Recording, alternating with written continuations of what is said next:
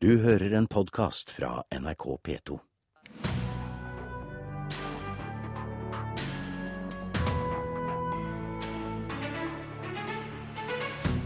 Umulig for norske konsertsteder å betale musikerne det fagforeningen krever. Klubber og scener kan bli nødt til å legge ned. Ordføreren i Arendal er trygg på at det kommer ny musikkfestival på Hove etter nedleggelsen. TV Norge arrangerer ekteskap mellom fremmede i ny realityserie. Umoralsk, mener teolog. Og skandaledesigneren John Galliano fikk sparken fra Dior etter å ha blitt dømt for antisemittisme. Nå har han fått ny jobb. Kan det bli ny suksess, spør vi. Her er Kulturnytt i Nyhetsmorgen med Thomas Alverstein Ove. Mange konsertsteder må legge ned dersom de skal betale den nye minstesatsen til musikerne. Det frykter organisasjonen Norske konsertarrangører. Musikernes fagforening mener hver utøver bør få betalt minst 4100 kroner per konsert. Helt urealistisk, svarer konsertscenene. I et knøtt lite øvingslokale i Oslo står Hanne Vatnøy og Kristine Wilhelmsen. De skal snart på turné i Japan og lage musikk til en kortfilm. Til sammen har de mer enn 15 års musikkutdanning. Likevel er det langt mellom hver gang de kan heve en vanlig dagslønn på en spillejobb. Mange tenker jo at musikere gjør det de gjør fordi det er det de brenner for og det som de syns er aller kjekkest. Og derfor så trenger man ikke få så mye betalt, for dette gir så mye tilbake. Men det er jo ingen i andre bransjer som blir bedt om å jobbe gratis. Wilhelmsen er medlem av Musikernes Fellesorganisasjon, MFO. Som NRK meldte i går, har de sett seg lei på at honorarene til frilansmusikere har stått stille i ti år. De har derfor vedtatt en anbefalt minimumslønn på 4100 kroner per musiker per konsert altfor mye, sier Gry Bråtemyr i Norske konsertarrangører. Det er et, eh, et ganske høyt krav, eh, så det, det, tror jeg veldig mange arrangører skal ha veldig problemer med å, å kunne imøtekomme. Men det er klart, hvis eh, frilanserens honorar har stått bom stille i ti år, så er det noe man må se på. Men vi vet fra vårt felt at å hoppe fra hva man kunne tenke seg var 2500 per musiker, til 4100 vil by på store problemer. Hei. Alexander. Det er meg, ja. Det er deg. Hei, Petter. Hei. Kom inn. Alexander Struve driver Buckleys, som er en bluesbule i midten av Oslo, og arrangerer mer enn 200 konserter i året. Nivået varierer, noe som gjenspeiler seg i billettprisene. På veggen her har vi altså konsertplakater fra det som skjer nå nærmeste fremtid. Noen som er helt gratis, hvor nye artister får vise seg frem. Så har du andre konserter her som koster opptil 300 kroner. Dersom Buckleys må betale alle som står på scenen minst 4100 kroner, er det mange som vil tape, tror Stuve. Ja, hvordan da, hvordan da, da, da må vi legge ned. Ja, du mener det? Skal være per person? Det går jo ikke. Hvis du har en band på 4000, fire mann, da, så skal de ha 16 000. Da skal du ha, ganske, da skal du ha brekkfullt her og billettpris på opptil 300 kroner. Og For å gå på en klubb og betale 300 kroner, det er ikke så mange som gidder. Det du gjør da, hvis det skulle være en sånn minstesats på det, alle de som ikke er noe spesielt kjente, de får ikke noen spilljobber. Da trekker det, vil du bare ha kremen, da. Men dette er å svartmale situasjonen, mener Kristin Haagensen i MFO. Jeg tror heller det kanskje skaper større forståelse for at eh, det å utøve musikk også er et yrke som krever et visst honorar. Jeg syns det er veldig lurt, for da har i hvert fall vi som er medlemmer noe å slå i bordet med. Her er faktisk satsene som uh, vårt fagforbund sier at uh, vi kan ta. Sa musiker Kristine Wilhelmsen til reporter Petter Sommer.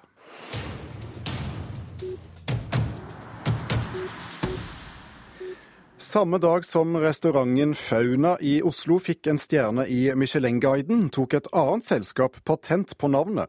Selskapet Fauna Eiendom har bedt restauranten om å slutte å bruke navnet Fauna, og saken behandles nå av Patentstyret. Det er snodig at et selskap som driver eiendomsutvikling kommer med søknaden samme dag som restauranten får en stjerne i Michelin-guiden, sier advokat Per Vinje til Dagens Næringsliv. Mediebransjen tabbet seg ut da de sa nei til lavmoms i 2010. Det mener leder i Mediestøtteutvalget, Yngve Slettholm. Alt tyder på at regjeringen i morgendagens statsbudsjett kommer til å legge frem forslag om felles lavmoms på 8% for papiraviser og nettaviser, skriver Aftenposten. Det samme ble foreslått for fire år siden, og, da hadde takket, og hadde mediene takket ja da, hadde de i tillegg fått inn en støtteordning for journalistikk. Den får de ikke nå, sier Yngve Slettholm til avisen.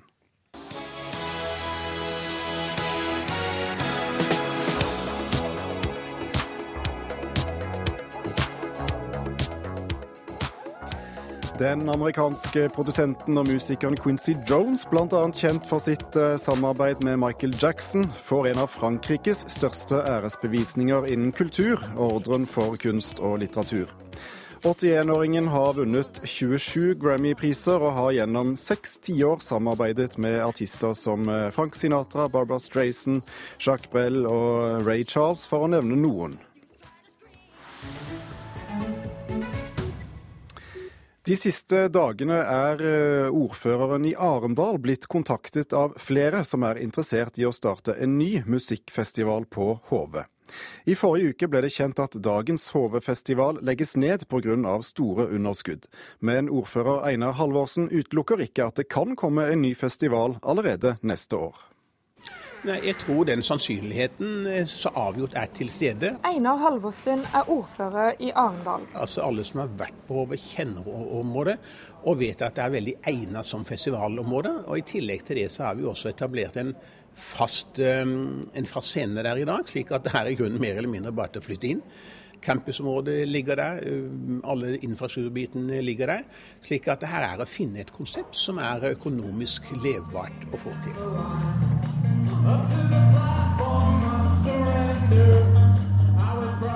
The Killers er et av bandene som de siste åtte åra har trukket tusenvis av ungdommer til HV-festivalen på Tromøy i Arendal. Men en nedgang på 27% i salg av festivalpass og store økonomiske underskudd har gjort at sommerens festival var den siste med nåværende eiere, britiske Festival Republic. Etter at nyheten ble kjent torsdag, er ordføreren i Arendal blitt kontakta av flere som kan være interessert i å starte en ny festival på Tromøy. Nei, det er, eh, det er i hvert fall en to-tre stykker som har eh, vist interesse for dette her. Og da formidler jeg det gjennom dette AS-et som drifter HV der, eh, der ute. Og så får vi se på hva er innholdet i de konseptene som de kommer med. Den er stor.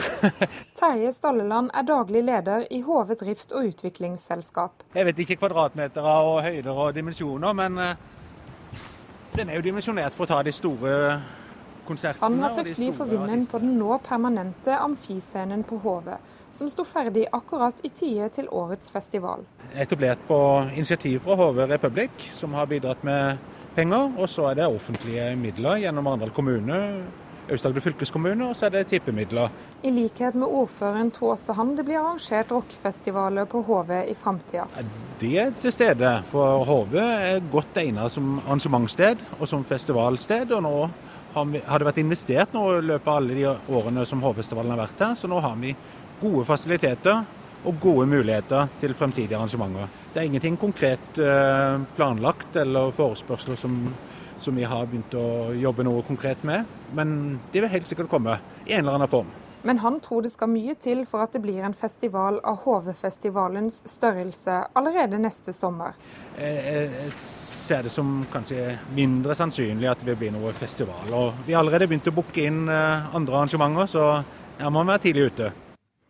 Og reporter i Arendal, det var eh, Miriam Grov. No, but I love Hitler. See? People like you would be dead today. Your mothers, your forefathers would be gassed. Oh my god. Jeg elsker Hitler, sa en sørpefull eh, John Galliano til et jødisk par på en fortausrestaurant i Paris for tre år siden.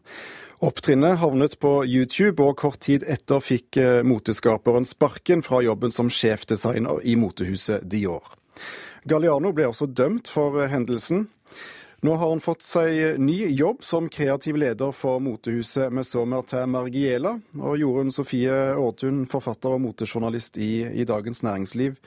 Hva er det Margiela, hva er det Margiela får med John Galliano nå? John Galliano han er jo en eh, britisk moteskaper som slo an på 90-tallet. Og han regnes som eh, verdens mest innflytelsesrike designer. Eh, sånn kunstnerisk sett så er han eh, genierklært. Eh, men han er også kontroversiell og har en trang til å provosere og sjokkere eh, moteetablissementet. Og han regnes også da som en av moteverdenens bad boys. Hvilken risiko eh, løper dette belgiske motehuset ved å ansette ham nå? Jeg tror de løper en ganske stor risiko ved denne ansettelsen. For det første så har eh, Galliano fortsatt et ganske fryktete og frynsete rykte. Eh, og denne stillingen, det er ikke en liten jobb han skal begi seg inn på. Margiela det er et motehus som har 50 butikker over hele verden og en omsetning på over 100 millioner euro. Og i den nye posisjonen så skal Galeano ha ansvaret for eh, alle linjene til dette motehuset. Eh, og eh, sammenlignet med Dior, da, selv om Dior er et veldig stort motehus, så vil han ha ansvaret for mer enn de åtte kolleksjonene i året som han hadde ansvaret for da han jobbet der. Tror du han er riktig mann for denne jobben?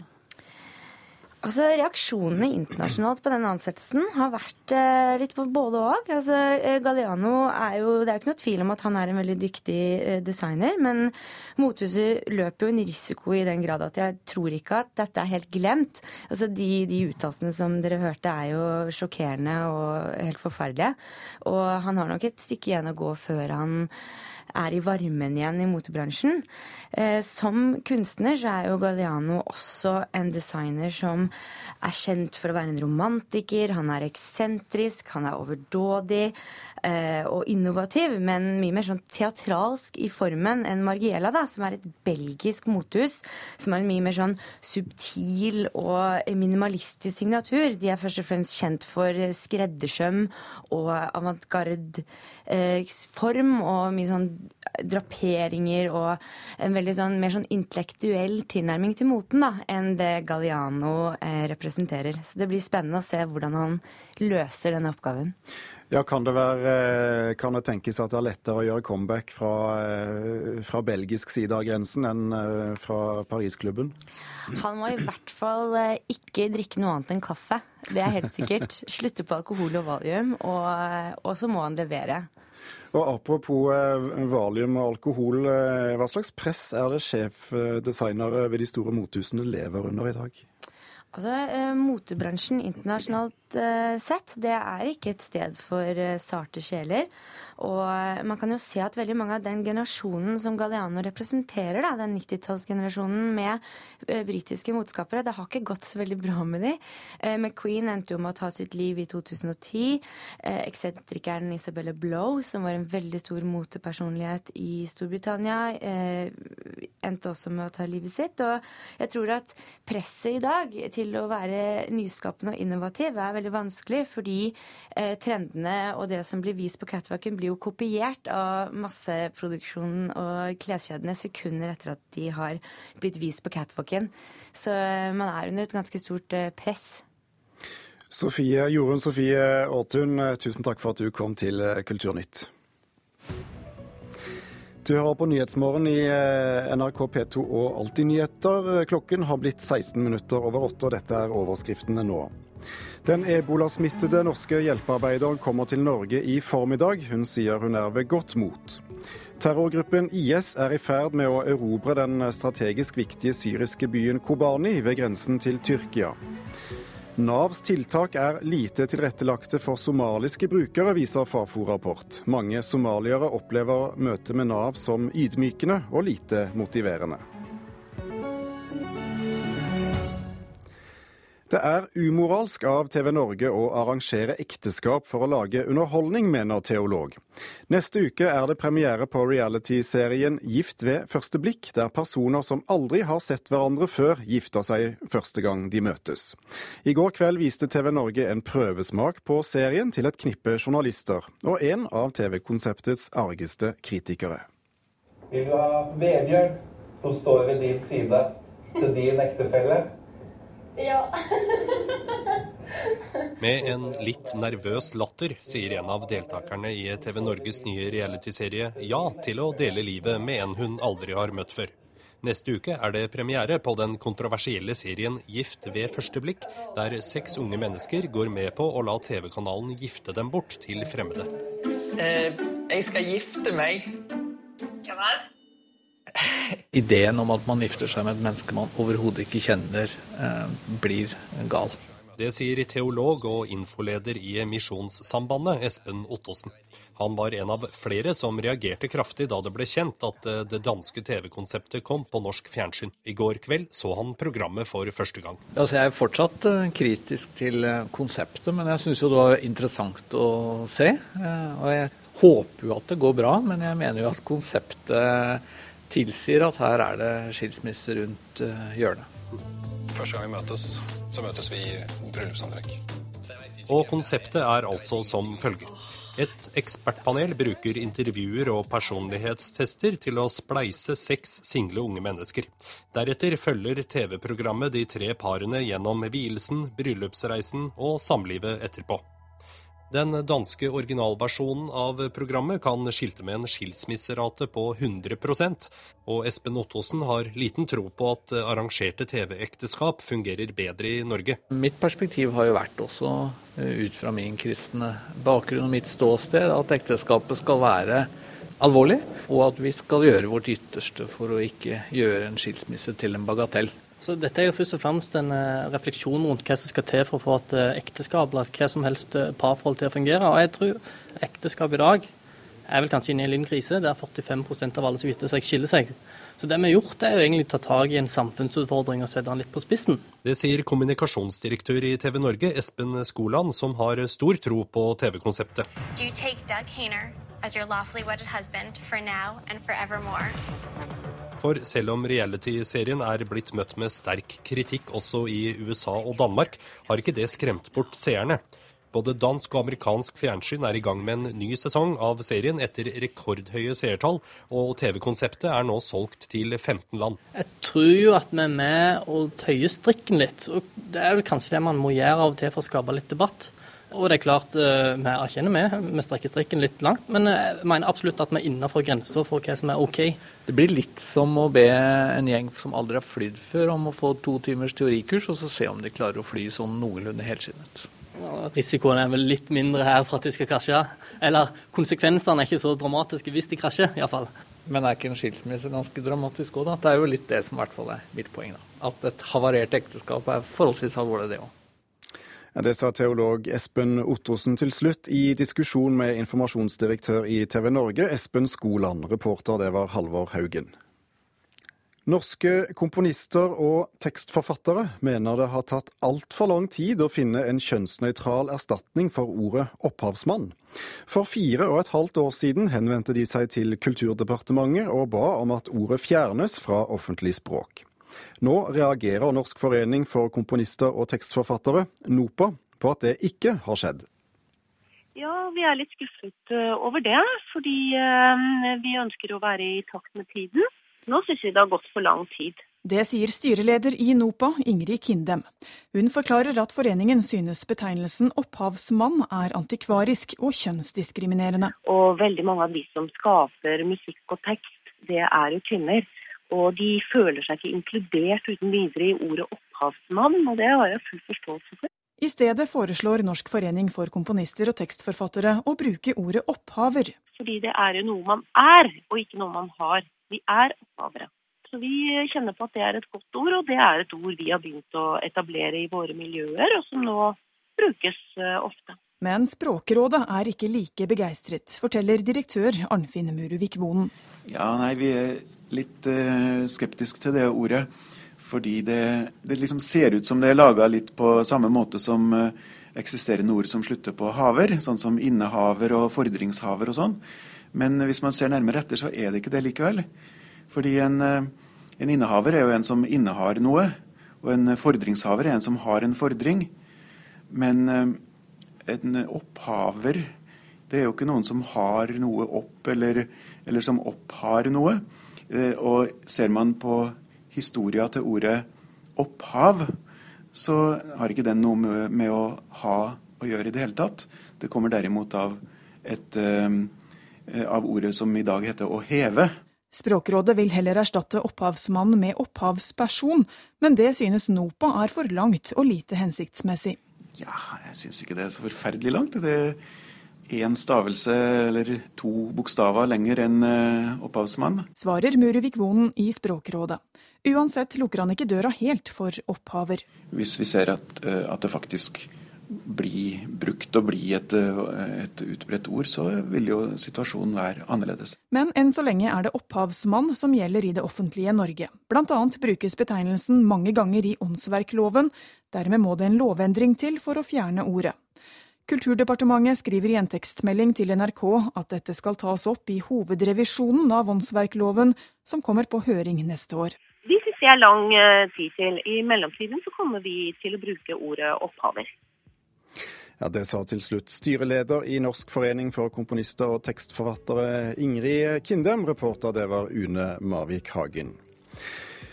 Kulturnytt er uh, slutt for i dag. Uh, før Nyhetsmorgen fortsetter, skal vi minne om at du i denne sendingen har hørt at uh, mange konsertsteder frykter de må legge ned dersom de skal betale den nye minstesatsen musikernes fagforening krever. 4100 kroner per musiker er for drøyt, mener de.